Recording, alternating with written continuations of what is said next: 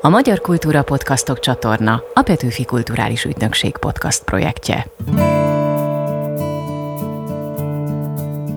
A Petőfi Emlékév hivatalos műsorát a Talpig Magyart hallgatjátok. Rédl Ádám vagyok.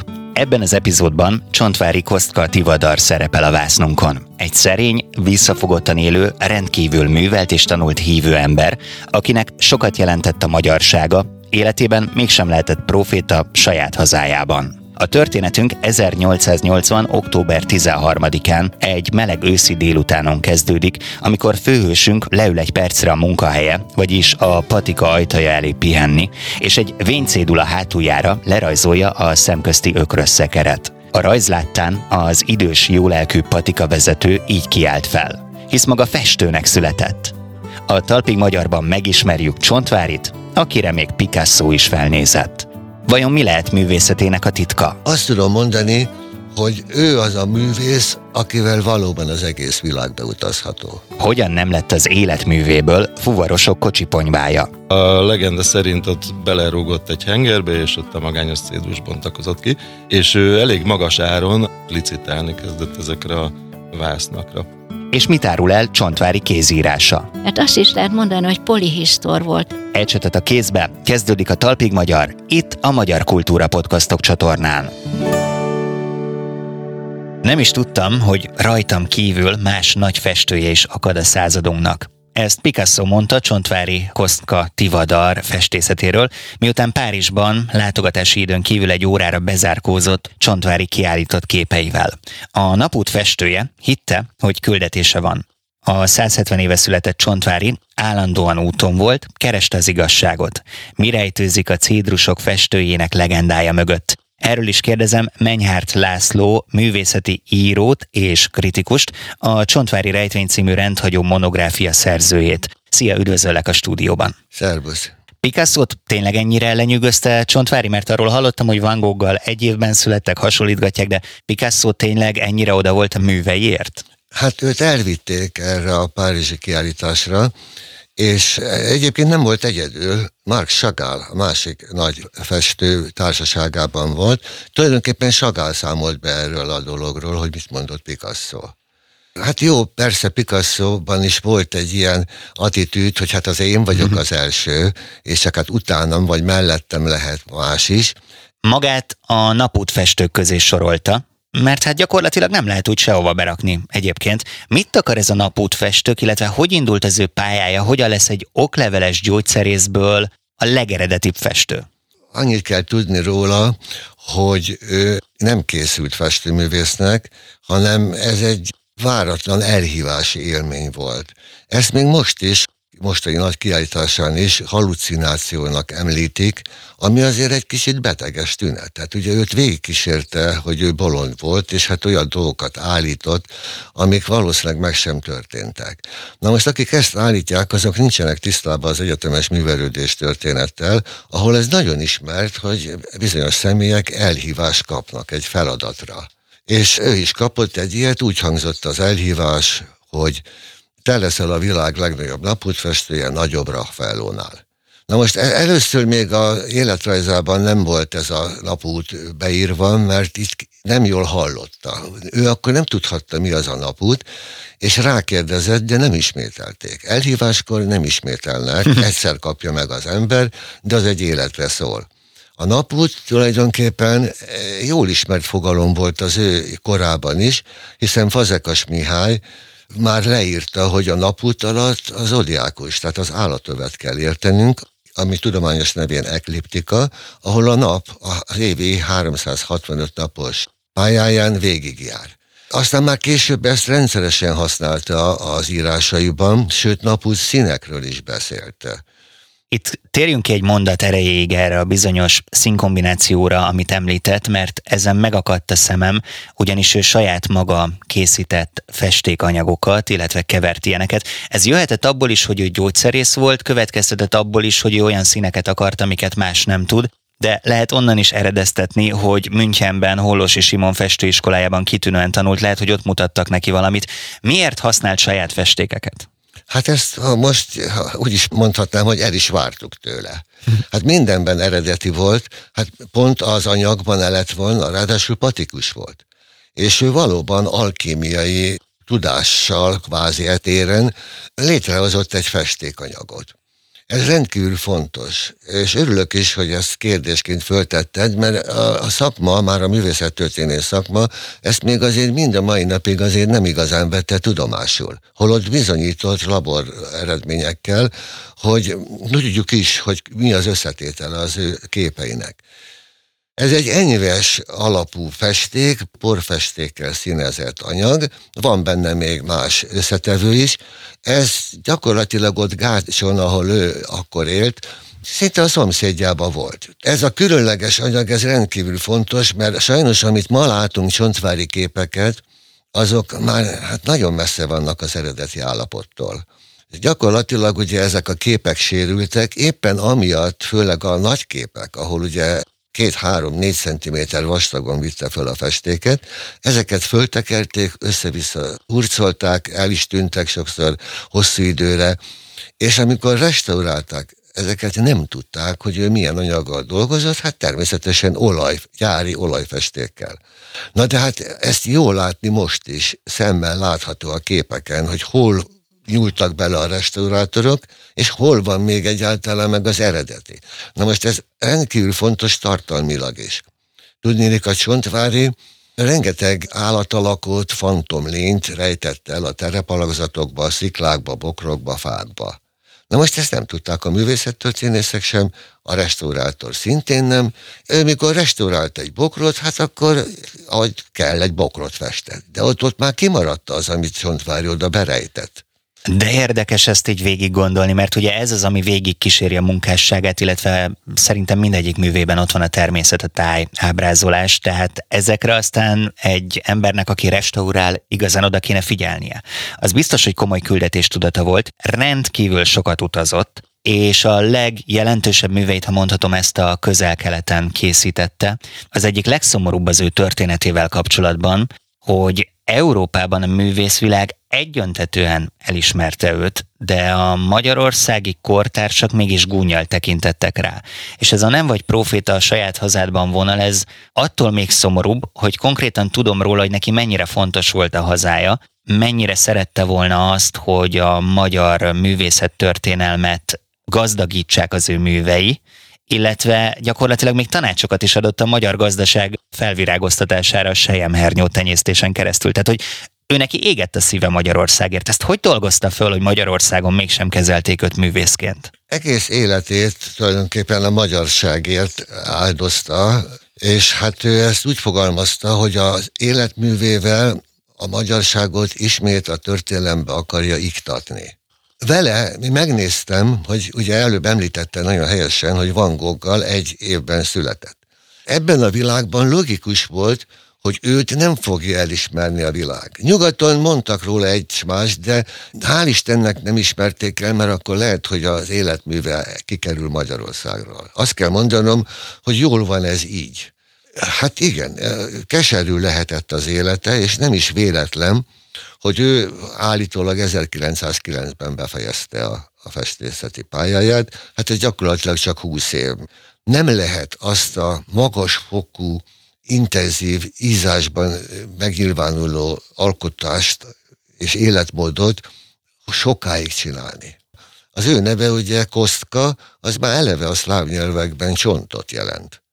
És hát ugye itt ő még rátett, Csontocska Csontosi ilyen néven próbálkozott írni, amit említett újságíróként is a losonci lapokban, és végül még oda bigyeztette a Csontvárit is. Hát gyakorlatilag azt jelenti, hogy Csontvári, Csont Tivadar, vagy, vagy Mihály látnoki profétikus allűrjei hozzájárulhattak akár ahhoz, hogy több elemzője pszichopatológiásnak vélte őt, és az is felmerült, hogy skizofrén lett volna, de én ahogy így egyre többet olvastam utána, arra jöttem rá, hogy szerintem nem.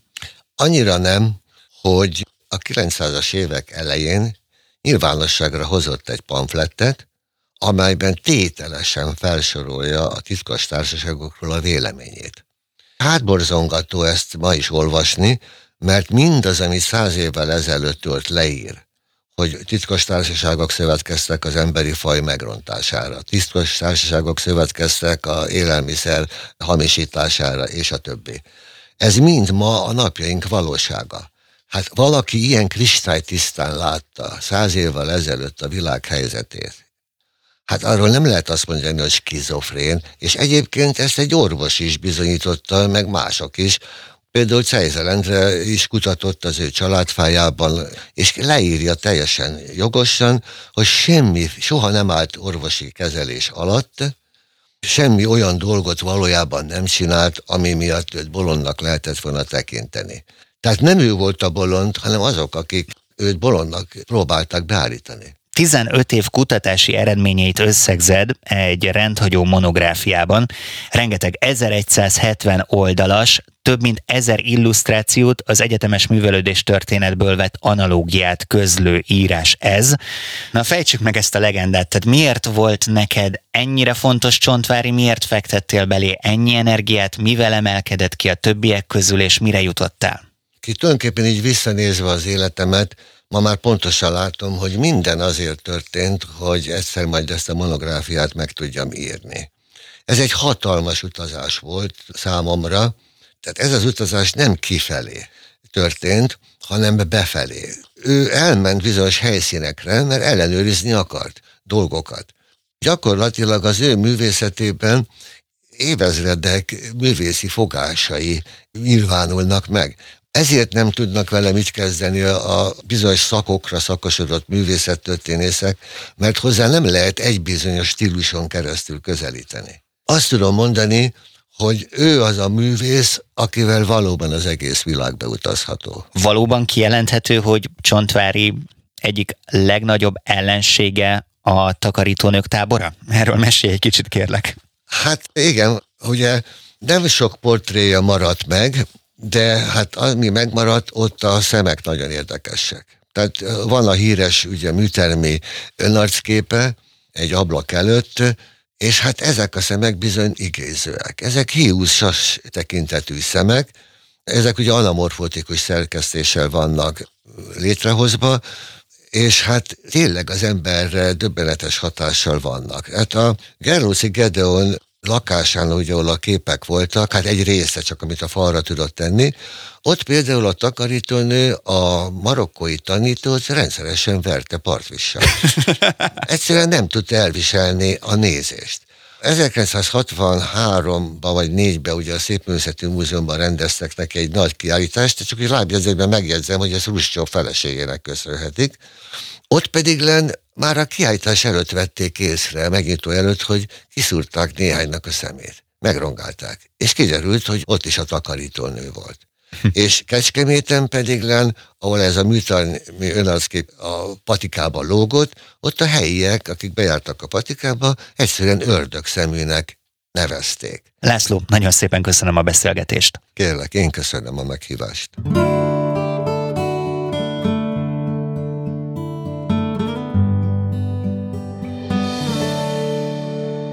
Picasso is elismerte, mégsem adott el egyetlen festmény sem élete során Csontvári. Ha örökösein múlik, akkor képei fuvarosok kocsiponyvájaként végzi. Az, hogy ez mégsem így történt Gerlóci Gedeonnak, a modern magyar építészet neves alakjának volt köszönhető. A csontvári hagyaték megmentőjeként emlegetett építész Négy évtizeden keresztül fáradozott azért, hogy a művek művészi értékük szerint megbecsülésben részesüljenek. Köszöntöm a stúdióban Gerlóci Gábor képzőművészt, a Csontvári Hagyaték gondozóját, a Csontvári Emlékműterem és Műhely Kulturális Egyesület elnökét. Szia, üdvözöllek! Szia, üdvözöllek én is, és a hallgatókat. Hogy volt ez az árverés? Ültek egy szobában az örökösök, egyébként kik voltak ők, és akkor ők behívtak néhány kocsist, akik szintén ott ültek, és kellett nekik a jó minőségű belga ponyva? Igen, a történet ott kezdődött, hogy 1919-ben, amikor meghalt Csontvári, pont abban az évben, annak az évnek az őszén tért haza németországi tanulmányútjáról Gerloszi Gedeon, ki ne felejtsük, hogy egy építész volt tehát megfelelő kvalitásérzékkel rendelkezett, művészeti tanulmányokat is folytatott előtte. Budapestre érkezvén műtermet keresett magának. És a jól ismert történet szerint, amit fogadjunk el igaznak, a Bartok Béla úton, az akkori Fehérvári úton műterem kiadó táblát vett észre a hadikházon, és felszaladt megnézni az ingatlant. És döbbenten látta, hogy ott a család, Csontvári családja rendezgették a hagyatékot, és terveik szerint árverésen a lakásban található ingóságokat el fogják árverezni. Na most az az árverés az nem ugyanaz volt, mint most, mint egy művészeti árverés. Ott kimondottan a, a lakásban található anyagokat, meg bútorokat, bármit, tehát mindent ott árvereztek. Na jó, de ott van egy festmény, és, és eszünkbe a, jut az, hogy ez jó lesz Úgy voltak, ott, ott volt az egész, egész család, és a, a családban az volt a nézet, hogy nagyon szerették Csontvárit, és ő is egy család szerető ember volt, de igazából nem tartották nagyra a művészetét. Egy ilyen különös, fura, különc figurának tartotta a család is, viszont hatalmas méretű képei is vannak, és kiváló minőségű vásznakra festettek. és akkoriban a történelmi helyzetből adódóan fuvarosok is pályáztak erre az anyagra. Eloci ott körülnézett, és hát ismerték, ott felismerték őt, mert a család távoli rokonságban állt, állt egymással. Ő is hallott már az idős mesterről, sőt, ott volt a temetésén is, de műveit nem látta. És akkor szembesült vele, amikor meglátta ott a rokonokat, hogy velük találkozott már a temetésen, és hogy ez az a festő, akiről beszéltek. És mivel elég nagyok ezek a képek, a műterem meg nem olyan nagy, ezek összehengerelve álltak a földön. És a legenda szerint ott belerúgott egy hengerbe, és ott a magányos cédus bontakozott ki, és hm. akkor villant be neki, hogy itt valami egészen furcsa és különös művészettel állok szembe. Mindenképpen elkezdett töprengeni a megmentésén. Akkor ebbe maradtak, és a kijelölt árverési időpontra megérkezett, ott persze jöttek a fuvarosok, elkezdtek licitálni, ott még tetlegességre is sor került állítólag, és ő elég magas áron az anyai örökségét feláldozva, amit a nagyapja az összes fiúgyerek részére a családban elkülönített arra, hogy Angliában folytassák a tanulmányokat, de az nem jött össze, úgyhogy ő ezt az örökségét átváltotta a svájci frankba, gyorsan átváltotta, és licitálni kezdett ezekre a vásznakra.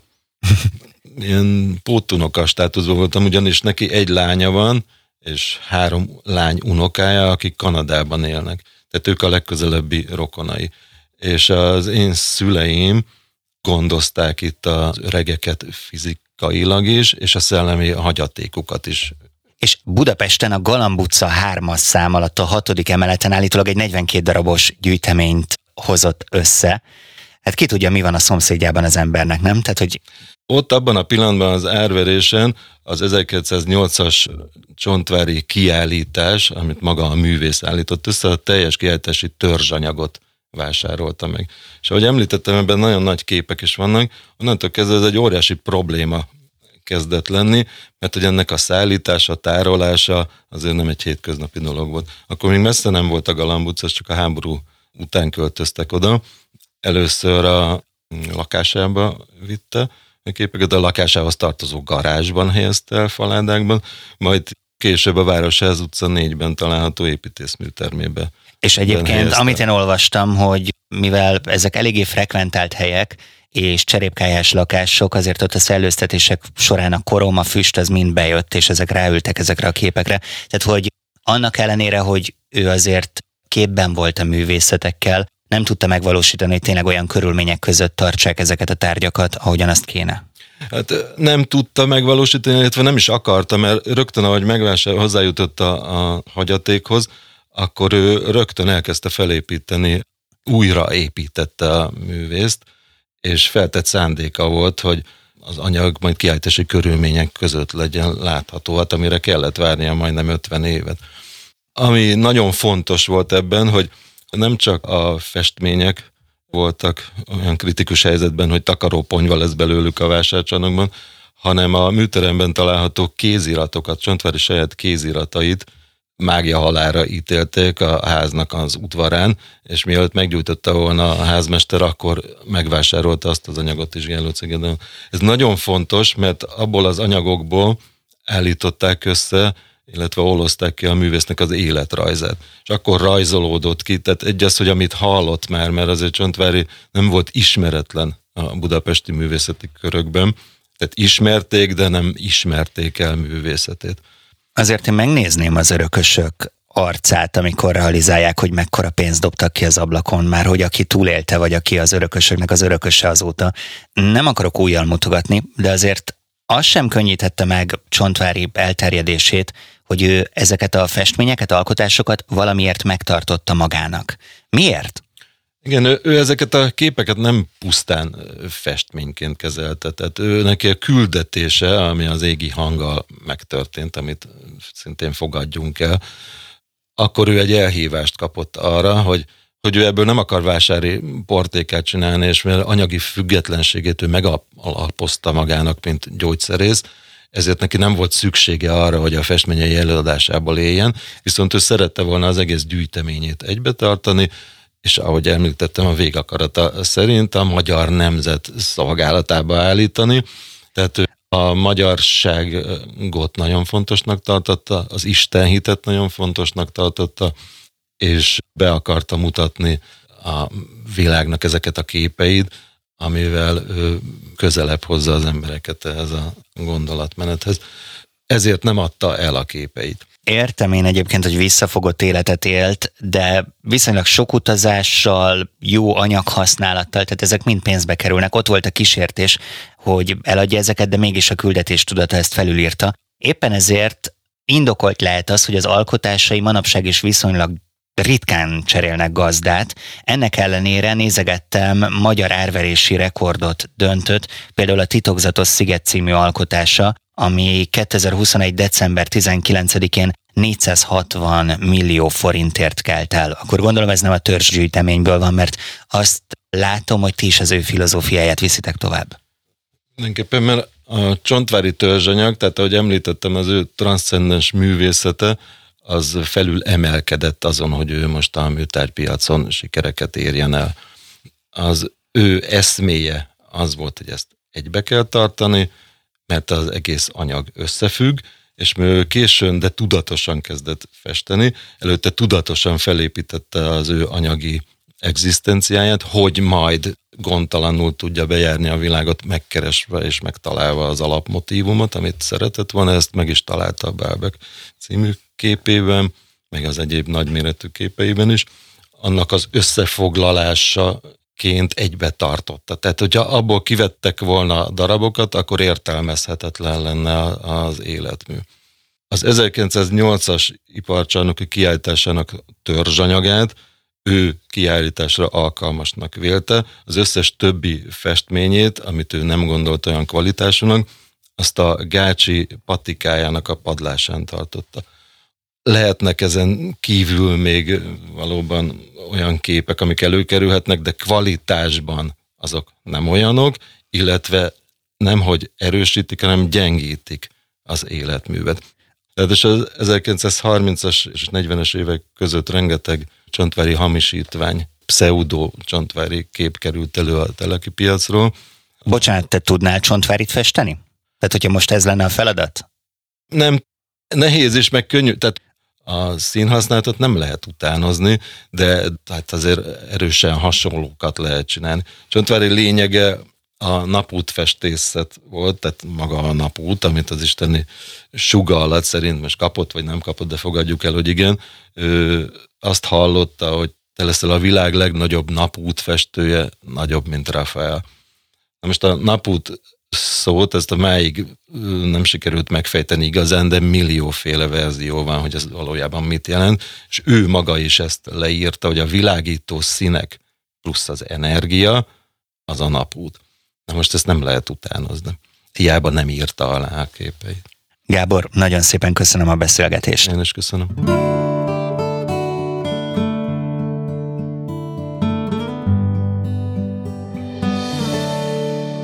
Csontvári tisztánlátó volt, belátott az érzékelhető világ mögé. Véli Vébarna Erika, Magyar Arany érdemkereszt kitüntetett kézírás kutató, grafológus szakértő, a sorssal nem lehet tréfálni, Csontvári Kostka Tivadar személyiségéről írásai és kézírásai alapján című kötet szerzője. Őrült vagy korát meghaladó reformer volt Csontvári. Ennek is utána járunk Vébarna Erika segítségével. Köszöntöm a stúdióban. Köszöntöm az hallgatókat. Miért éppen a jeles festő személyiségét próbálta megfejteni? Azért ebbe sok időt fektetett. Számomra különös élmény volt betekinteni a szellemi elődeink lelki világába, belső történéseibe, ami valójában föltárul a munkájuk alapján is, de kézírás által egészen közvetlenül láthatóvá válik a lélek, a belső folyamatok. Csontvárival kapcsolatban milyen anyagokból dolgozott, és mire jutott? Én itt korábbi beszélgetésekből már kiderítettem, hogy azért ezek a kézírások, hát nem sokon múlott, hogy a kezünkben maradt, majdnem elégtek. Hála Gerlocsi Gedeonnak, hogy valóban már a tüzelőnek begyűjtött kosárkából mentette meg őket. Azért hatalmas érték, mert a kézírás tér és idő fölötti személyiségvizsgálatra ad lehetőséget, nincs egyetlen más ilyen emberismereti módszer sem.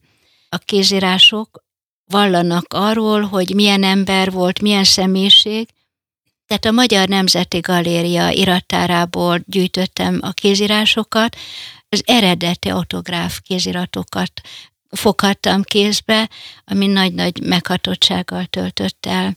Kérem említsen néhány konkrétumot így azzal kapcsolatban, hogy mire jutott, akár ilyet is, hogy tegyük azt, én teljesen laikusként mondjuk feltételezem, hogy számít az, hogy merre dőlnek a betűk, mennyire vannak sűrűn, mennyire gyöngybetűk azok, mire lehetett következtetni, és miből lehetett következtetni Csontvári személyiségére.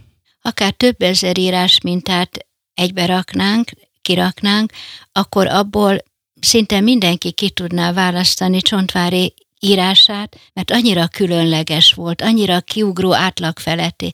Hatalmas méretek, gigantikus méretek látszanak, ugyanúgy, ahogy a panoráma festményein is. Tehát ez a monumentalitás az egész életét meghatározta.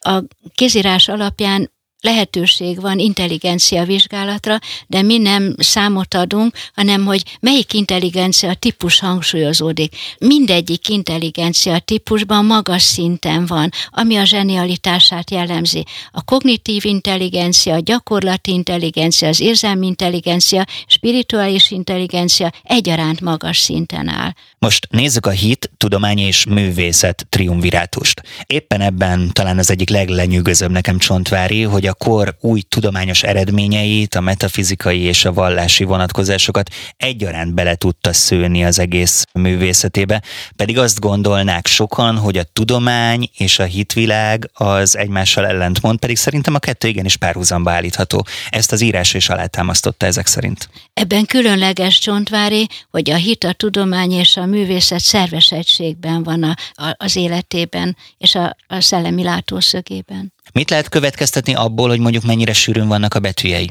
E rendkívüli akaraterő látszik a célozott akaraterő, szorgalom, kitartás, széltudatosság, a jobbra döltség és az a lendület, az a rendkívüli dinamika vagy energia, ami árad a kézírásból, az azt mutatja, hogy mondhatni, sikerorientált, abszolút olyan ember, aki ha megtervezett valamit, akkor tüzönvizen véghez vitte. Észrevett valami olyat a vizsgálódások során, ami meglepte önt? A legelső kézírás, amit láttam, 26 éves csontvári kézírása volt, amikor még gyógyszerész volt. Ez azért is fontos talán, mert csak a kézírás által láthatunk abba, hogy milyen volt ő, mielőtt elindult volna festőnek. Végtelen nagy precizitás, pontosság, felelősségérzet, kötelességtudat, végtelen nagy önfegyelem, türelem, és nagyon nagy magabiztosság, talpresettség látszik, igen jó a kézügyessége, és szociális érzékenysége magas volt, empátiás készsége, és nagyon jó kommunikációs készsége volt. Azt lehet mondani mai modern kifejezéssel, hogy innovatív. Tehát a fejlődésre nagy igénye volt, és nagyon magas volt a fejlődési képessége. Minden újra nyitott volt.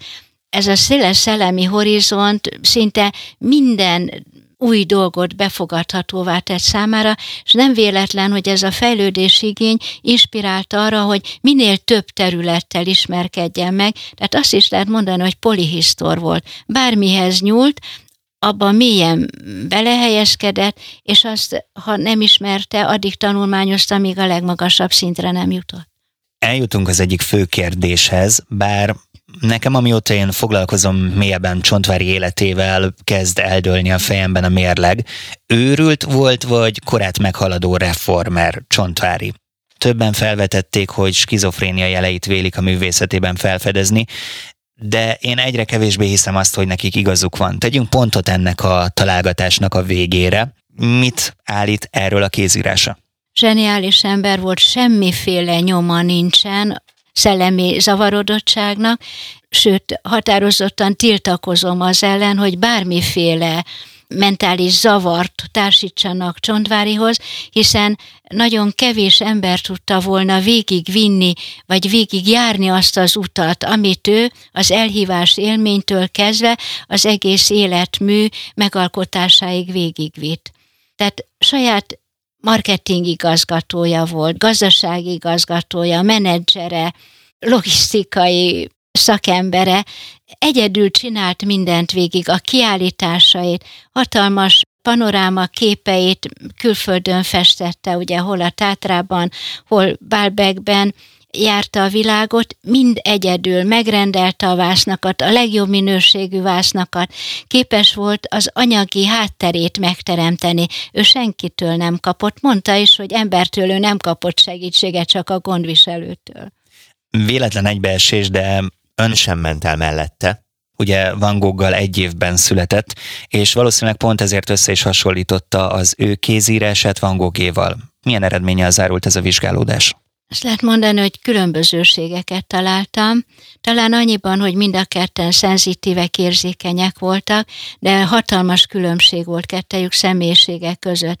Amíg Van Gogh személyisége zilált, ingerlékenység mutatkozik, gyors és hirtelen hangulatváltások jellemzőek a kézírás alapján, sőt agresszió, indulatosság, tehát ilyen hirtelen, impulzív indulati állapotokba került, addig Csontvárinál egyfajta higgadság, körültekintő, óvatosság, szellemi fegyelem, önfegyelem, nem látni hangulat ingadozásokat a csontvári kézírásokban. Apró pici vajúdások természetesen vannak, de nagy hangulat ingadozások, vagy pláne bármilyen zavart állapot nem létezik, nincsen. Végignéztem az összes kézírás, mindenütt tiszta, világos elme mutatkozik, sőt, amit elmondhatok, hogy nagyon magas éberségi szinten élt.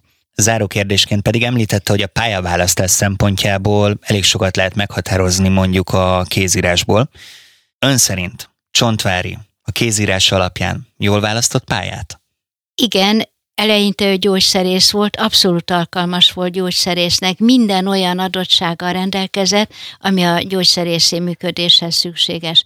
Majd az elhívás élmény után festővé vált, és ez a kényszerű pályamódosítás valóban illet a személyiségéhez, tehát a tehetség jelen volt a kézírásában már 26 éves korában, és ez az elhívás élmény volt, ami kibontotta. Kezdem sajnálni, hogy leszokóban vagyunk a kézírásról, és inkább a számítógépeken pötyögünk, lehet, hogy vissza kéne állítani a rendszert. Erika, nagyon szépen köszönöm a beszélgetést. Köszönöm én is a beszélgetést.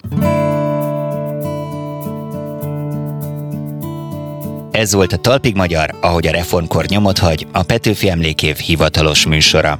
Ebben az epizódban a legeredetibb magyar festőművésszel, Csontvári Kostka Tivadarral foglalkoztunk. Megismertük a Napút festőjének legendáját, a műveinek thrillerbe illő megmentését és kézírását elemezve a művész személyiségrajzát. Annak is örülök, hogy a műsorunkkal igazoltuk előfeltételezésemet, hogy főhősünk mentálisan egészséges volt. Egyébként később Cejzel Endre is elkérte a boncolási jegyzőkönyvet, és ő is igazolta ezt, nem talált semmiféle elme problémára utaló jelet. Így éljen tovább Csontvári legendája. Egy hét múlva innen folytatjuk, velünk lesznek a reformkori hőseink és máig meghatározó történeteik. Ha tovább hallgatnátok minket, iratkozzatok fel ide a Magyar Kultúra Podcastok csatornára. Itt megtaláljátok a korábbi epizódjainkat, és azonnal értesítést kaptok az újakról.